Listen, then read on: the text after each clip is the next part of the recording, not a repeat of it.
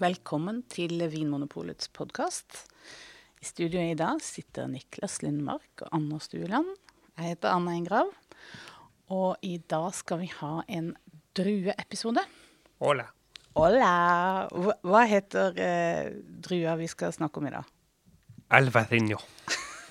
ja, for det er nemlig eh, første punkt på, denne, på dette programmet er hvordan uttaler man druer. Og det er kanskje det viktigste. eh, Det, det viktigste du kan lære etter denne episoden her, er riktig uttale ja, av druen. Vi har ikke satt oss høyere ambisjoner enn det. Ja, for den skrives jo litt forskjellig. Uh, Ja. Avhengig av hvor vi, hvor vi skal Hvor skal vi reise hen? Vi, vi skal jo til uh, kysten av Portugal og Spania. Mm. Og de hovedrommene for dyrking er jo Det er liksom tett opptil hverandre, rett over grensa. Men på den ene siden så skrives det Albarinho og, i, i Spania, og i Portugal så skrives det Alvarinho. Ja. Samme drue altså, men det skrives på to forskjellige måter. Og det er bare én liten bokstav som er forskjellig.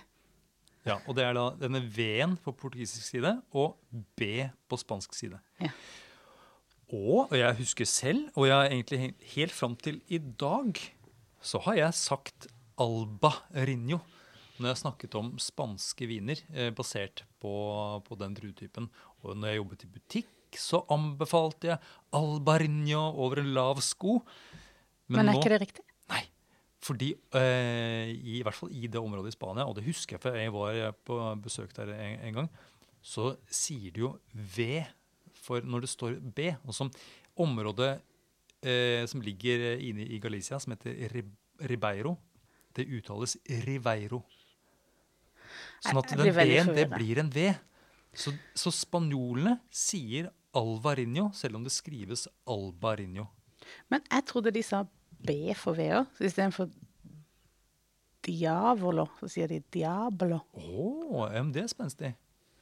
Men- nå skal vi ikke rote Nei, det til. Det, vi ikke til. Mm, det viktigste er bare å huske det at eh, Slutt å si albarinho, begynn å si alvarinho. Og Ja. det er mye lettere, for det betyr at da kan du bruke det samme ordet eller samme uttalelsen for både de portugisiske og spanske variantene. Men du kan gjøre den V-en litt slapp. Den bør ikke være sånn V, sånn som vi gjerne gjør her i Norge. Ja, må- Alvarin, alvarin, alvarin. Så- Så de tror at du er full når du kommer på polet? Det høres ut som sånn der, eh, Hva het han der eh, supersjefen i, eh, i um, Godfather? ja, han, ja. Corleone. Ja. Alvarinho. Ja, sånn kan man tenke. I like a glass of. Der tror jeg vi er faktisk i mål med, med dagens episode. Men la oss bare ta litt sånn raskt. Hva er det som er spesielt? Det er jo da en hvitvinsdrue. Ja, så den er grønn på farge. Riktig. Mm. Også litt forvirrende. Skulle tro han var hvit. ja. ja, fordi altså, eh, mesteparten av de druene som blir brukt til hvitvinsproduksjon, er jo grønne. Um, Ja, og de er egentlig gule når de plukkes. Ja, sant nok. Så, men man snakker jo aldri om grønn vin. Ja, det vil, mm, mm, ja Jo, mm, gjør vi ikke der. egentlig det? For et av de mest kjente områdene i Portugal for hvitvin er jo Vino Verde. Ja. Eller å Verde. det? Grønn vin, altså. Ja. ja men, men det betyr kanskje mer at det er, det er, for det er et grønt område. Grønt og frodig. Ja, Mm. eh, Nordlige delen av Portugal. Eh, og som maritimt klima. Eh, Mye regn, spesielt liksom utenfor kysten. Dalfører som går innover. Eh, grønt og frodig. ja, for nå er vi Vi begynner altså med, med Portugal. Alvarinho i Portugal. Og er, da er vi altså helt nord i Portugal, opp mot der det blir snart Spania igjen. På oversida av Dorodalen. Ja. Jepp, jepp, jepp. Grønt. Og eh, vinområdet heter grønn vin. Det syns jeg også er en Det er mye rart. Ja, Men, og, eh, og det, de lager rød vin og verde. Det er litt morsomt. ja. Og det er faktisk Rød, grønn vin. det er altså Portugals største DOC, altså største sånn, eh, kvalitetsappellasjon. Ja. ja, det er kjempestort. Kan strekke seg, Den regionale appellasjonen kan strekke seg helt ned mot Porto. Men akkurat bruken av druen alvarinho, den er jo vanligst egentlig i den, den, de to nordligste dalførene da, i, eh, i Vinho Verde-regionen. For jeg tenker på Vinho Verde som en blandingsvin. Altså at det er flere druer i den. Det er jo ikke bare Alvarinho. Ja, og det, Eller Loeiro også. eller? Det stemmer. Men de har begynt også, det har vært eh, vanligere og vanligere faktisk å tappe eh, altså endrueviner. Eh, Også i Vini Verde. Um, og det er litt inspirert av uh, produsentene på spansk side. For Rett over grensen. Ja, for de var veldig tidlig ute med å tappe ren alvarinho. Mm. Og det var vel egentlig, de Egentlig den første grønne druen fra Spania som ble kjent internasjonalt, det var alvarinho. Og det var liksom sånn mm, Gjennombruddet kom sånn type slutten av 90-tallet. Ja. Stemmer ikke det? Og, det ja, og jeg husker at eh, når jeg jobbet i butikk, så var det ganske raskt ganske mange kunder som spurte etter alvarinho, og som kjente til det druenavnet. Ja, det er liksom eh, en enkel måte å forholde seg til vin på. Det er å gå etter druenavn, og det er et druenavn som skiller seg litt ut.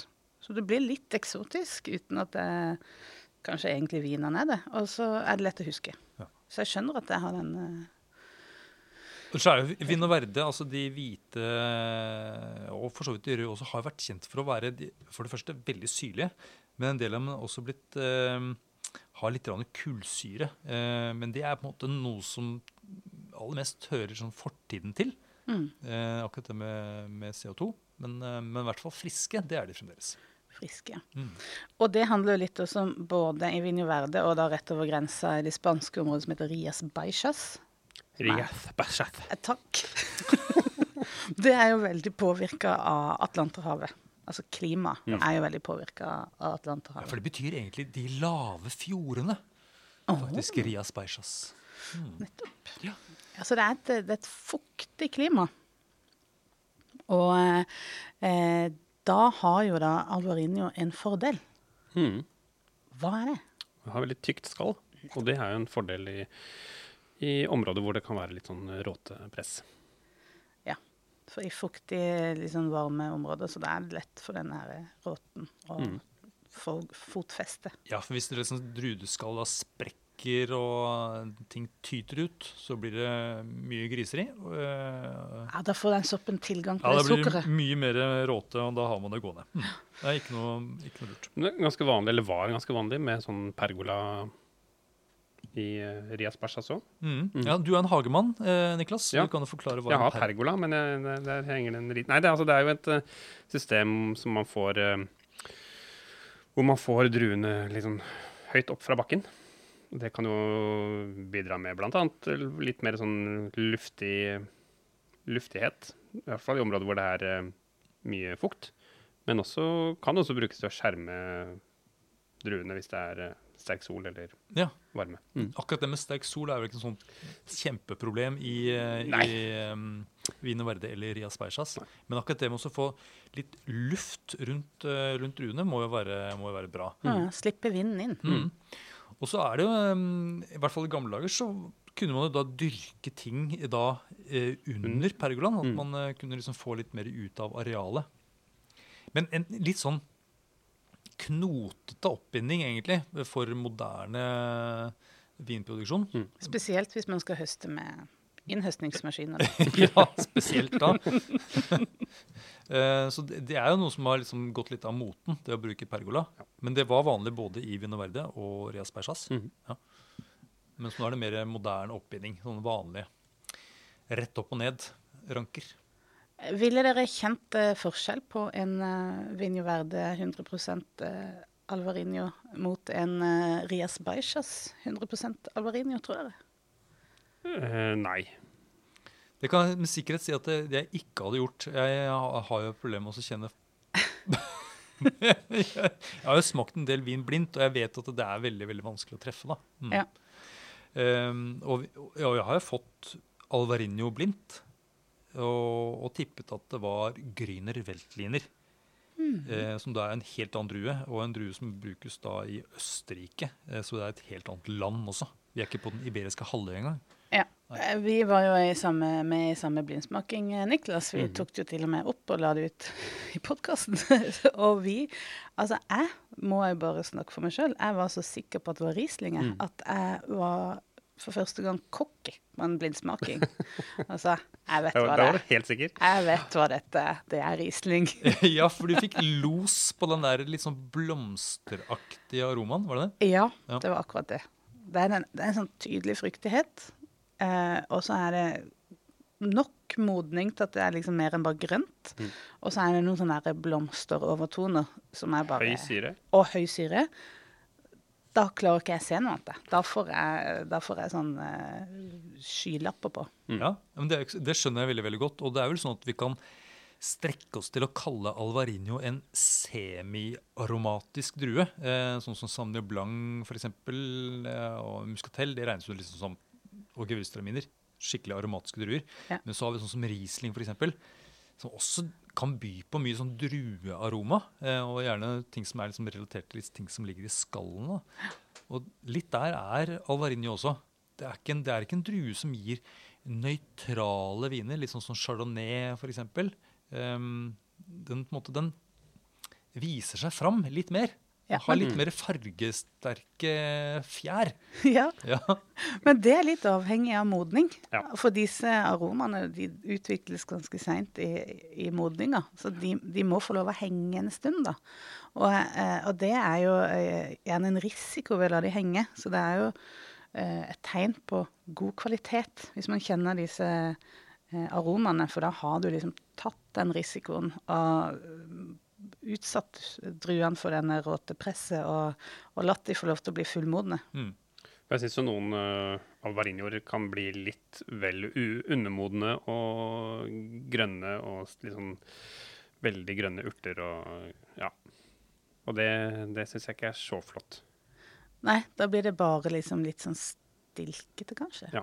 For ja, Får litt sånn følelsen av å tygge på litt sånn gress og en litt sånn, eh, en litt sånn fersk eh, eh, kvist fra en eller annen, eh, et eller annet kjerr. Eh, det er litt sånn grønne, grønne som ligger under barken, liksom. Eh, Ja. Den aromaen der. Lite frukt. Eh, Mm. mm. Men fremdeles høy syre. Fremdeles høy syre. Mm. Så Det er da eksempler kanskje på de litt ikke så gode eh, variantene av eh, Alvarinho. Og så er jeg også eh, tenker at det var Og det var kanskje vanligere f i en periode sånn rett etter at det ble veldig populært, så kom det en del eh, viner som var litt mer hva skal jeg si, spekulative. Hvor man liksom hadde kanskje høy avkastning, eh, man høstet tidlig, men man ville allikevel ha en frukt i vinen. Og da kjørte man gjerne gjennom liksom kaldgjæring, tilsatte gjærtyper som ga en tydelig fruktighet i vinen. Men da endte man opp med sånn litt endimensjonale viner som hadde noe sånn eh, pæredroppsaktig frukt. Og noe sånn hint noe bananaktig, men ikke så mye annet. Mm. Eh, men- Men jeg tenker jo generelt eh, I dag så holder uh, Alvarinho-viner, eh, enten de kommer fra Spania eller Portugal, egentlig er veldig god kvalitet. Ja, Og så er de ikke for dyre. Nei. Prisene er på en måte Jeg, jeg kan godta den prisen som er satt uten å begynne å grine. Og så er det viner som jeg tenker sikkert faller i smak hos veldig mange andre Altså hos nordmenn, da, som mm.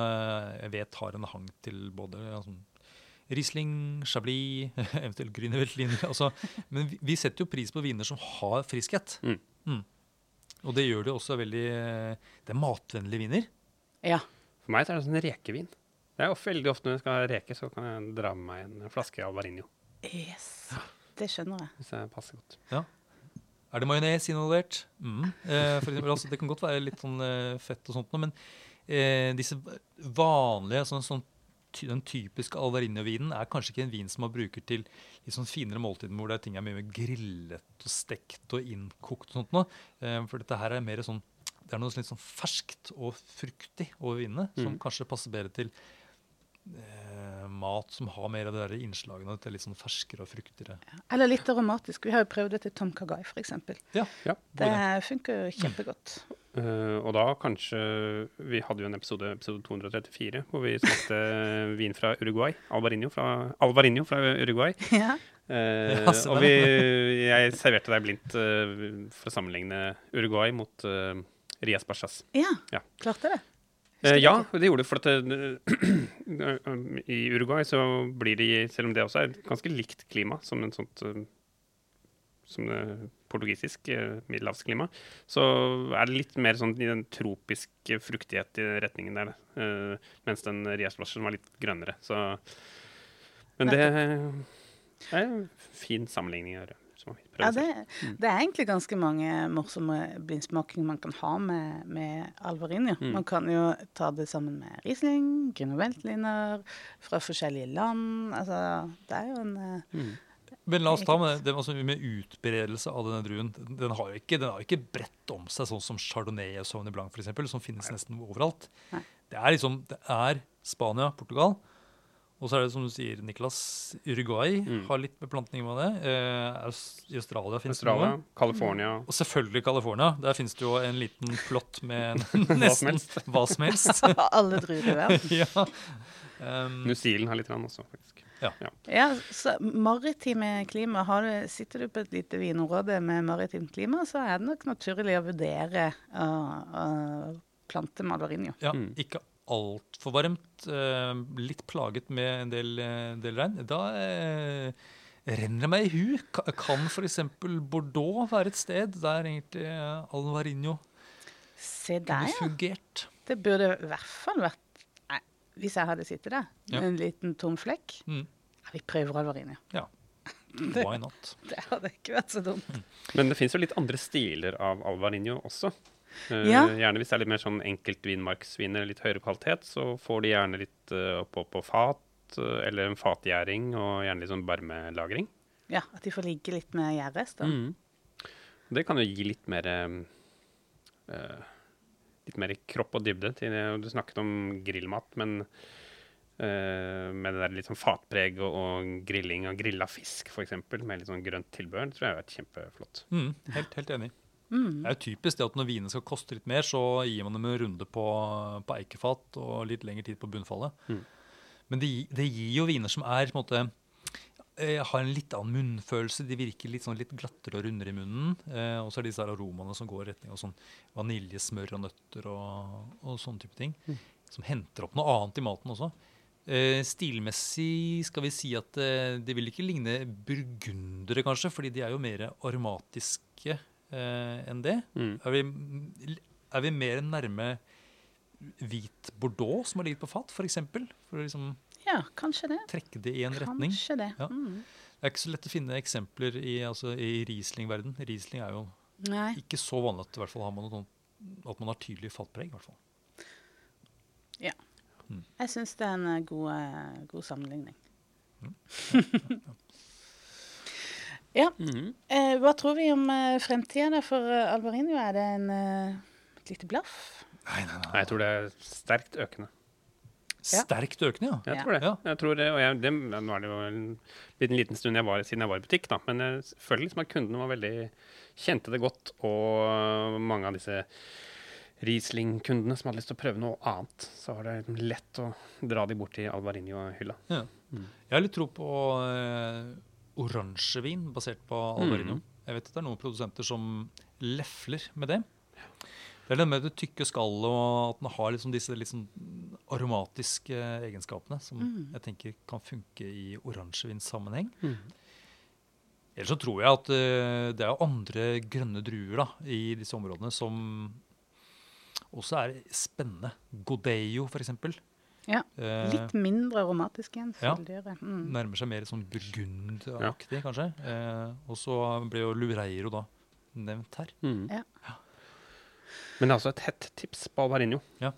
Hvis du skal ha en uh, dåpsgave under 200 kroner. Og Jeg fikk smake eh, Alvarinho tilbake fra 1999. Og de er fantastisk lagringsdyktige viner. Selv, eh, Man tenker ofte at man skal lagre lenge, og sånn, så må man liksom opp i masse penger. Men eh, fantastisk flotte viner, altså. Kan du beskrive hvordan da en utviklet Og da var du nede på 1990-tallet, var det det? 99, ja. 99, Så, 30 år gammel. 30 år gamle, ja. Da er det jo mer av det mot noe sånn tørka aprikos. ehm, eh, kanskje litt sånn balsamisk-aktig. Og jeg syns kanskje mer av det der sånn litt sånn saltaktig mineralitet eh, kommer litt sånn tydeligere fram. Uh, fruktigheten var kanskje litt dempa, men det har fortsatt en sånn fantastisk syre. Så det var spennende viner. Det er gøy, men den hadde ikke noe sånn petroleumspreg og sånn som man liksom tenker med at uh, gamle Rieslinger hadde en gang i tiden. Ja, og så Ja. lenge man holder, beholder nyansene, at det er liksom uh, fokusert aroma, så Mm. er, det jo, ja. er det jo veldig spennende. Og da så tenker jeg også igjen på Grüner Veltliner, som jeg da trodde at denne Alvarinho var. Grüner Veltliner er også en drue som egentlig gir lagringsdyktige viner. Viner som utvikler seg til å bli ganske spennende. Mm. Slår et slag for Grüner Veltliner også i samme, samme episode. Ja, det ble en sånn to-drue-episode, det her. Ja, ja, ja. Men Eh, Anne, vi har jo snakket om at det kan passe godt til reker. Ja. Hva mener vårt matorakel at uh, Alvarinho kan uh, gå til utenom det? Ja, nei, Vi har jo også vært inne på litt mer sånn aromatisk mat som eh, eh, asiatisk eller thaimat kan det funke til. Sushi? Sushi. Altså det er jo en, en vinstil som vi sammenligner litt med, med Riesling, fordi den har både høy syre og en fruktighet. Som regel ikke så mye fat. Og det kan jo egentlig brukes til fryktelig, fryktelig mye. Så det er nesten lettere å på en måte prøve å finne noe som det ikke kan passe til. Men det er jo alt det som er litt sånn eh, ferskt. Eh, som, har, som trenger liksom den der friske løftet. At ikke du vil fremheve noe sånn Hvis du har mat som du vil fremheve med sånn dype, stekte aromer, eller liksom mer sånn utvikla preg, da vil jeg kanskje styrt unna alvorinjen. Men ellers så er det liksom utrolig anvendig, da. Jeg husker vi hadde smakt det her eh, stekt makrell med agurksalat og en sånn rømme, Ja, rømmesaus. ja. Og da kan du på en måte tenke litt forskjellige retninger. Enten gå for noe som er litt sånn der friske grønne mot den agurksalaten, eller noe som går for det der stekte og med den der rømmen. Men da husker jeg at eh, det var mange ting som fungerte veldig godt, men eh, jeg satt liksom alvarinoen Alvarinoen, unnskyld. som eh, topp. Jeg syns det var deilig med det der friske syrlige også, som en sånn kontrast til den der fete fisken. Ja, det er akkurat det. Det er den der syreskviset som gjør så det er mye mat, da. Ja, men det er flott. Skal vi bare rett og slett si at vi har eh, lært oss å uttale alvarin? Ja. Alvarinho. Ja. ja, fint det. Takk for det. Takk for at du hører på Vinmonopolets podkast. Har du forslag til et tema i podkasten? Send mail til podkast at vinmonopolet.no. I tillegg svarer kundesenteret deg på e-post, chat og telefon.